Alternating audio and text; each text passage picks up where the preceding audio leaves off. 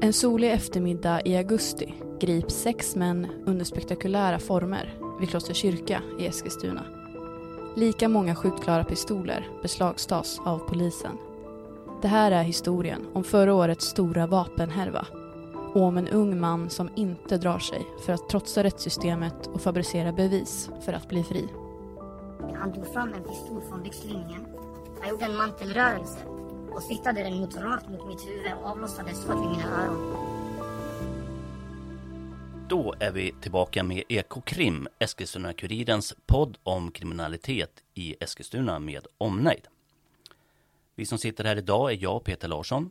Och Robin Folkö. Vi är båda kriminalreportrar på Eskilstuna-Kuriren. Ämnet för dagen är ett stort vapenbeslag som inträffade i slutet av förra sommaren, den 20 augusti närmare bestämt. För vår del, för min del i vart fall, så blev ingången i det här något ovanlig. Vi fick bilder skickade till oss via en kollega på Östergatan nära Kloster kyrka. Bilderna visade poliser, några polisbilar målade, några civila som man får tro. Eh, det märkliga var att det låg personer på gatan med buntband runt eh, armar och eh, händer. Det här var alltså i slutet på sommaren, den 20 augusti förra året, på eftermiddagen va? Som det inträffade, eller tidig kväll, mm. något sånt. Och vi visste inte vad vi skulle ha de här bilderna till. Polisen gick officiellt inte ut med att man hade haft någon insats. I kontakt med dem så fick vi inte reda på någonting.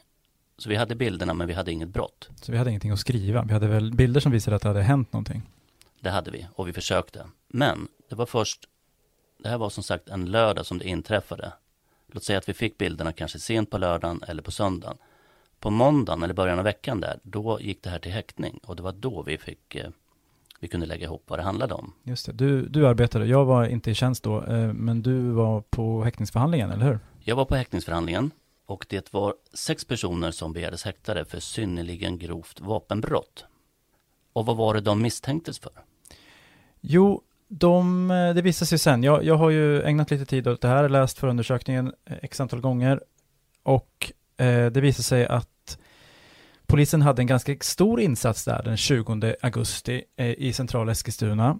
Eh, man hade bedrivit spaning mot eh, ett, åtminstone en av de här personerna sedan tidigare och snappat upp ett eh, telefonsamtal som man eh, avlyssnat i hemlighet mellan eh, de två Eskilstuna-baserade personerna där det är en 32-åring och en 18-åring och 32-åringen säger att han har två stycken som vill ta för 45.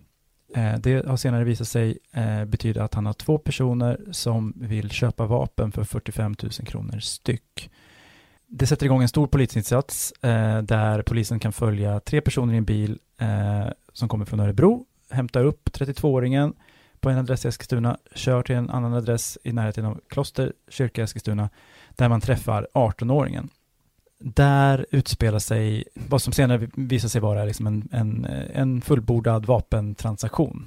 Polisen slår till där mot bilen och lyckas gripa fem personer där, de tre personer från Örebro och de två från Eskilstuna. Man hittar 100 000 kronor i kontanter i bilen och man beslagtar även två stycken eh, halvautomatiska pistoler märkta Glock med tillhörande eh, ljuddämpare och fulladdade magasin. Så skjutklara eh, livsfarliga pistoler mitt i centrala Eskilstuna eh, en sensommarkväll.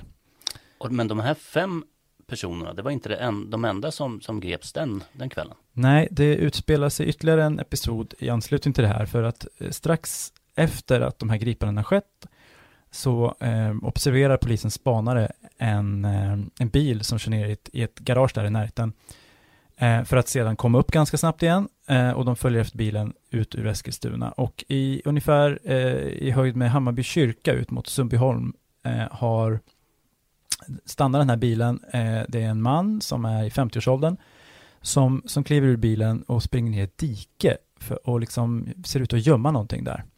Det visar sig att han har eh, slängt ner en väska eh, i diket och täckt över med lite gräs. Väskan eh, visar sig innehålla fyra ytterligare skjutvapen och en massa ammunition och ljuddämpare. Eh, och den här personen, när, när man upptäcker det då, så kan man också gripa eh, den här personen, 50-åriga personen, som visar sig vara 18-åringens pappa.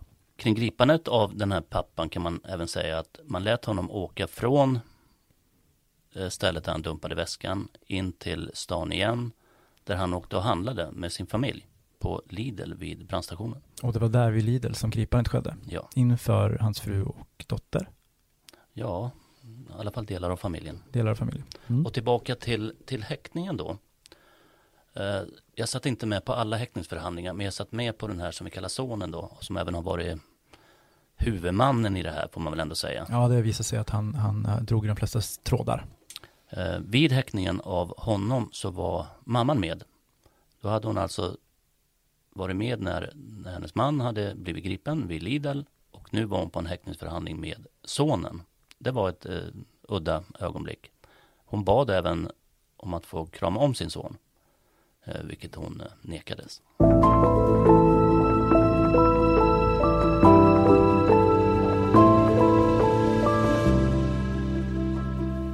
Direkt efter de här häktningsförhandlingarna så ställde åklagaren Niklas Hjertonsson upp på en intervju. Då berättade han att han trodde att det här skulle kunna dra ut på tiden.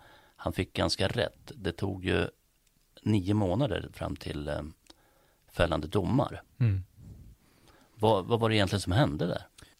Ja, det drog ut på tiden, eh, men kanske inte riktigt av de orsaker som åklagaren hade förutsett. Eh, Eh, rättegången eh, inleddes ju i februari, men fick eh, avbrytas och tas om på grund av jäv från, från domaren. Och därefter så fick den även flyttas till, till Stockholm av säkerhetsskäl.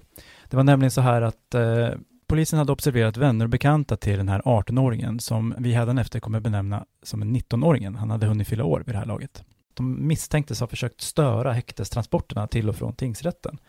Och det tyckte eh, åklagaren att det var tillräckligt oroande för att han skulle begära att, eh, att rättegången skulle hållas på annan plats än Eskilstuna. Den hölls senare i Nacka och Södertörns tingsrätter. Just det. Men rättegången fortsatte alltså då i Stockholm. Ehm, och mycket av den, mesta tiden kommer jag kretsa då kring, kring 19-åringen, huvudmannen. Mm. Vad, vad kan du säga om honom? Hur är han? Alltså, jag, jag, jag satt ju med på en, den sista eh, dagen där under huvudförhandlingen i Södertörn. Eh, och jag har även läst in mig lite på han, hur han verkar vara som person. Och, alltså, om jag ska ge någon form av omdöme så, så skulle jag beskriva honom som en företagsam ung man. Eh, han, han, är, han är smart får man väl säga. Det, eh, och, och åklagaren har ju konstaterat i efterhand att han har varit väldigt motiverad i att försöka undgå lagföring. Hans eh, försvar i, under rättegången var ju att han ska ha begått handlingar, eh, han ska alltså för, förvarat vapen och även överlåtit eh, vapen eh, under tvång. Och att han, eh, det, han, han hade en så kallad nödinvändning, att han, han ska ha gjort det här eh, för att han har fruktat för sitt liv och andra i hans närhetsliv. Men det här var någonting som han sa först under rättegången. Han sa ingenting under den tiden som förundersökningen pågick och eh, det var liksom först när rättegången hade börjat och åklagaren hade, han hade läst förundersökningen och åklagaren hade hållit sin sakframställan som han började prata. Eh, och det tyckte ju åklagarna var lite misstänkt i sig. Att han väntade så länge och det fick han också en hel del frågor kring. Men jag tänker så här att vi, vi för att vi ska förstå eh, hur, hur han eh, hur han är eh, så, så, så tänkte jag vi skulle lyssna på en liten ljudfil från eh, hans förhör i, i tingsrätten där han håller en eh, cirka 40 minuter lång monolog om den här, hur han har eh, blivit hotad och skrämd av maskerade personer. Eh, när vi börjar lyssna på det här så eh, beskriver han en, en episod då han ska ha befunnit sig på sin pappas arbetsplats och där eh, ska det ha kommit in beväpnade personer och, och hotat honom. Eh, det låter så här. Jag trodde inte kanske det var kunder eller någonting eller typ att ja, det var någon kund. Så jag reste mig, jag, jag avbröt eh, min lunch, jag reste mig för att gå och kolla. Och då ser jag tre personer varav två är maskerade. Den andra, alltså han, var, han brydde sig inte. Det var som att han inte brydde sig om att vara maskerad eller att bli igenkänd. Det var, och jag kopplade direkt att det var de personerna som har, som har tidigare hotat mig och tvingat mig till saker. de kom fram till mig. Alltså de var, de, det var inte så att de var våldsamma eller så. De försökte prata vett i mitt huvud om man säger så. De försökte få mig att alltså, övertala mig till att fortsätta eller hjälpa dem och de verkligen var i knipa och så vidare. Att det skulle vara väldigt kort och så. Och jag sa till dem, jag kan inte. Jag har familj, jag har mamma, pappa, systrar alltså, som, som konstant är hos mig i mitt rum. De, alltså, det är inte så att jag har ett, eh, en bunker där jag kan gömma saker så, som, och det inte märks. Liksom. Och de, de var fortfarande envisa och sa att det skulle bara vara en kort period och så. Och där jag blev lite, alltså jag fick typ en impuls. Alltså jag blev lite arg och typ höjde rösten och sa ifrån. Och där drog han, alltså personen som inte hade mask på sig, han drog fram en pistol från byxlinningen. Han gjorde en mantelrörelse och siktade den mot, rakt mot mitt huvud och avlossade skott vid mina öron. Utan, alltså, utan ljuddämpare, utan att ens tänka sig för. Mitt på ljusa dagen, där fick jag en, typ, en slags wake-up call. Alltså, det var som att jag har inget val. Antingen väljer jag döden eller så väljer jag att lyssna på de här personerna. Ja, det låter ju som ett eh, försvar så gott som något, att han talar från hjärtat kanske. Men det låter ju också som att det vore väldigt enkelt för polisen att kolla om det finns ett skotthål på den här platsen som man har pekat ut. Ja, eh, det var väl lite dit han ville komma tror jag. Eh, för han, eh, hans advokat Viktor Banke eh, kom in med ett, eh, ett yrkande om att man skulle komplettera förundersökningen just för att leta efter ett skotthål på den här arbetsplatsen. Det skulle ju kunna styrka berättelsen som sådan, men där sa åklagaren faktiskt nej. Mm. Vad, hur motiverar man det? det? Det hade redan gjorts två husrannsakningar på den här platsen.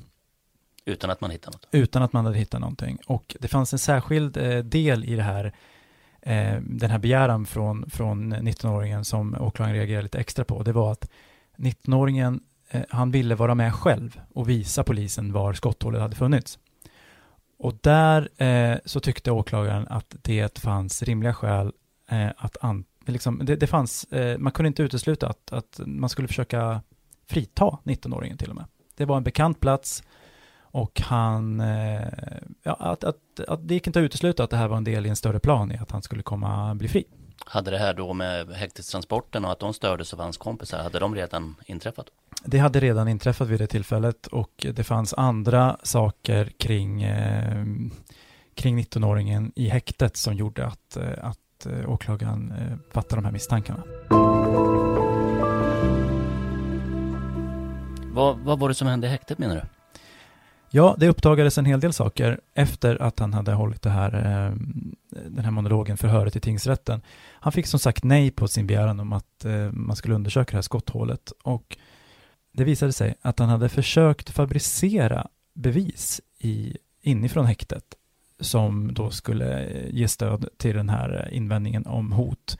Eh, man får väl tolka det lite som att han, han gick ett steg längre Eh, efter att han hade fått nej på att man skulle undersöka skotthålet.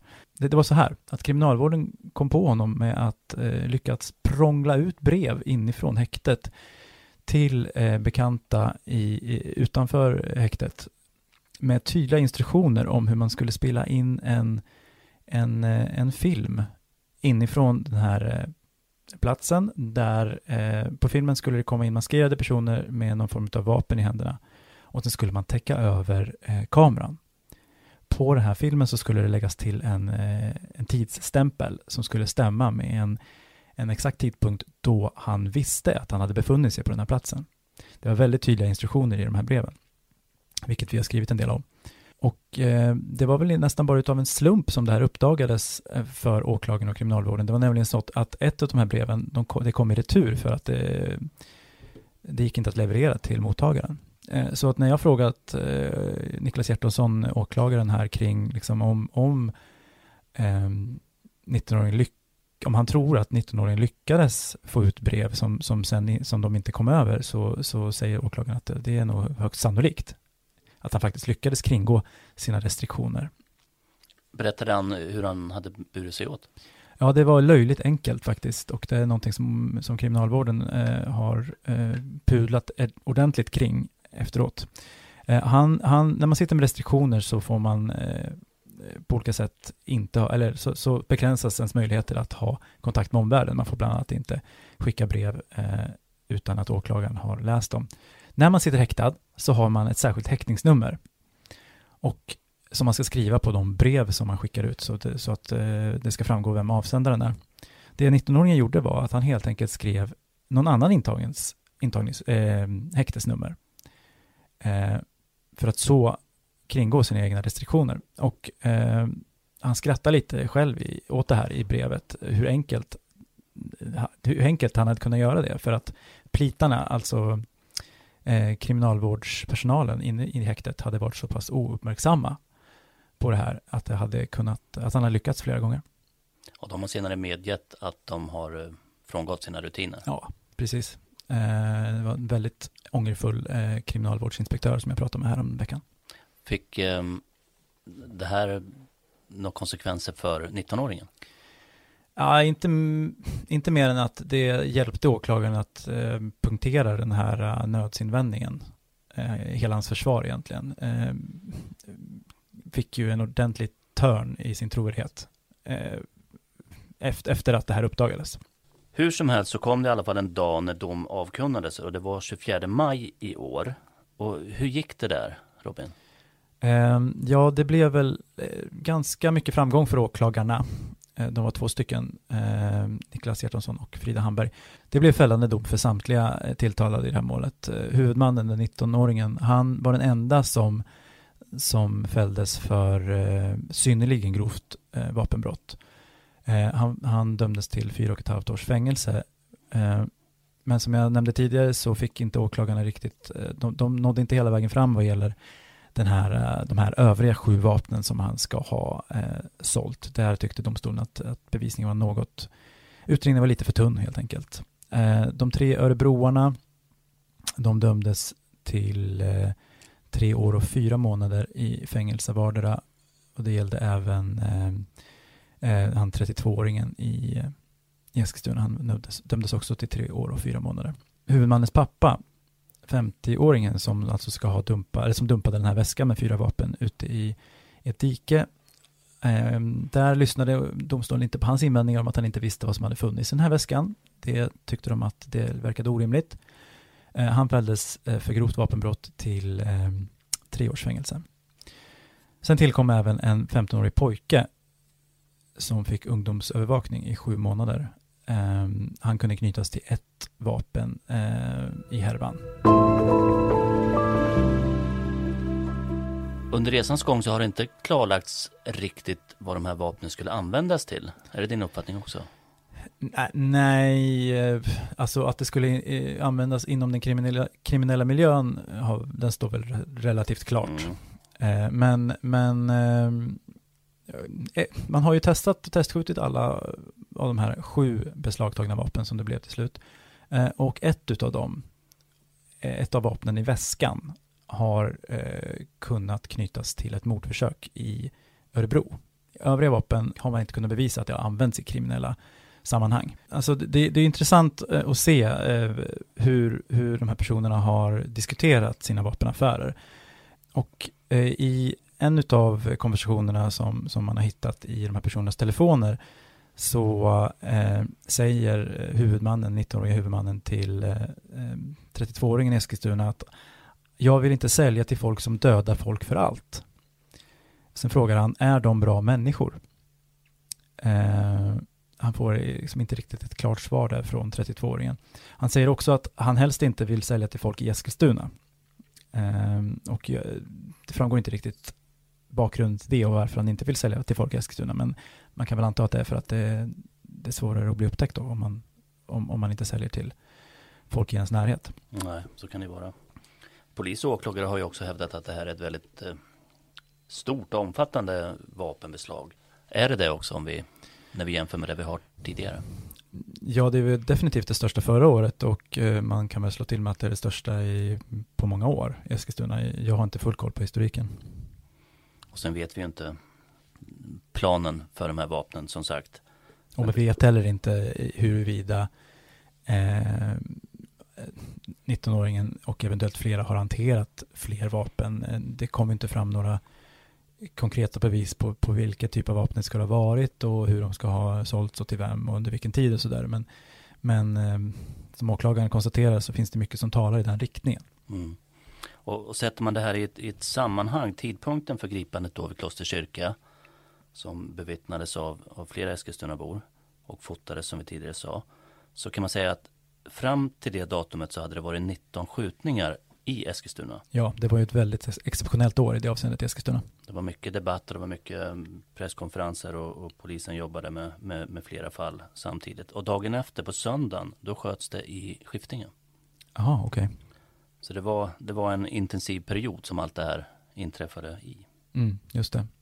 Och sen, eh, det är ju Åklagaren eh, formulerar sig som att det här eh, ska ha inneburit en, en eh, ett avbräck i vapenhandeln i Eskilstuna och kanske i skjutvapenvåldet, både i Eskilstuna och i Örebro.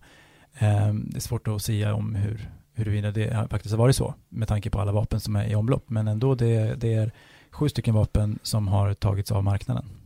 Det vi vet är att det har varit ett stort antal skjutningar efter det här beslaget också. Det har det också varit.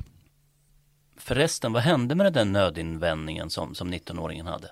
Alltså, det var ju mycket som kretsar kring det under rättegången, men när man läser domen så, så, så behandlar tingsrätten det bara under några, det bara, handlar bara om några få rader där man säger att eh, eh, att den förefaller så osannolikt att den, att den kan eh, lämnas utan avseende. Det är väl en standardformulering när man inte tror på en person helt enkelt. Mm. Och när det här spelas in, det här avsnittet, då vet vi då om domen är överklagad? Nej, det vet vi inte. Um, det är väl rätt sannolikt? Det är väl sannolikt att det kommer. Jag vet att, uh, jag vet att um, några av de här kringpersonerna, örebroarna bland annat, uh, deras försvarare har uttryckt att de tycker att, att straffet har varit orimligt uh, hårt för den inblandning som ska ha bevisats. Mm. Vi får ju säkert anledning att återkomma till det här ärendet i, i kommande avsnitt. Ja, det, det ska vi inte utesluta. Nej. Och då är det väl lika bra att vi avslutar för idag. Ja, vi ska inte orda i onödan. Nej. Nej, tack för oss. Tack för oss. Är du mellan 18 och 29 år? Då kan du ta del av allt innehåll på ekuriden.se eller i vår app för endast 29 kronor i månaden i ett helt år. Abonnemanget är utan bindningstid och går enkelt att säga upp. Gå in på ekuriden.se bli prenumerant och klicka dig in till ungdomspaketet för att ta reda på mer.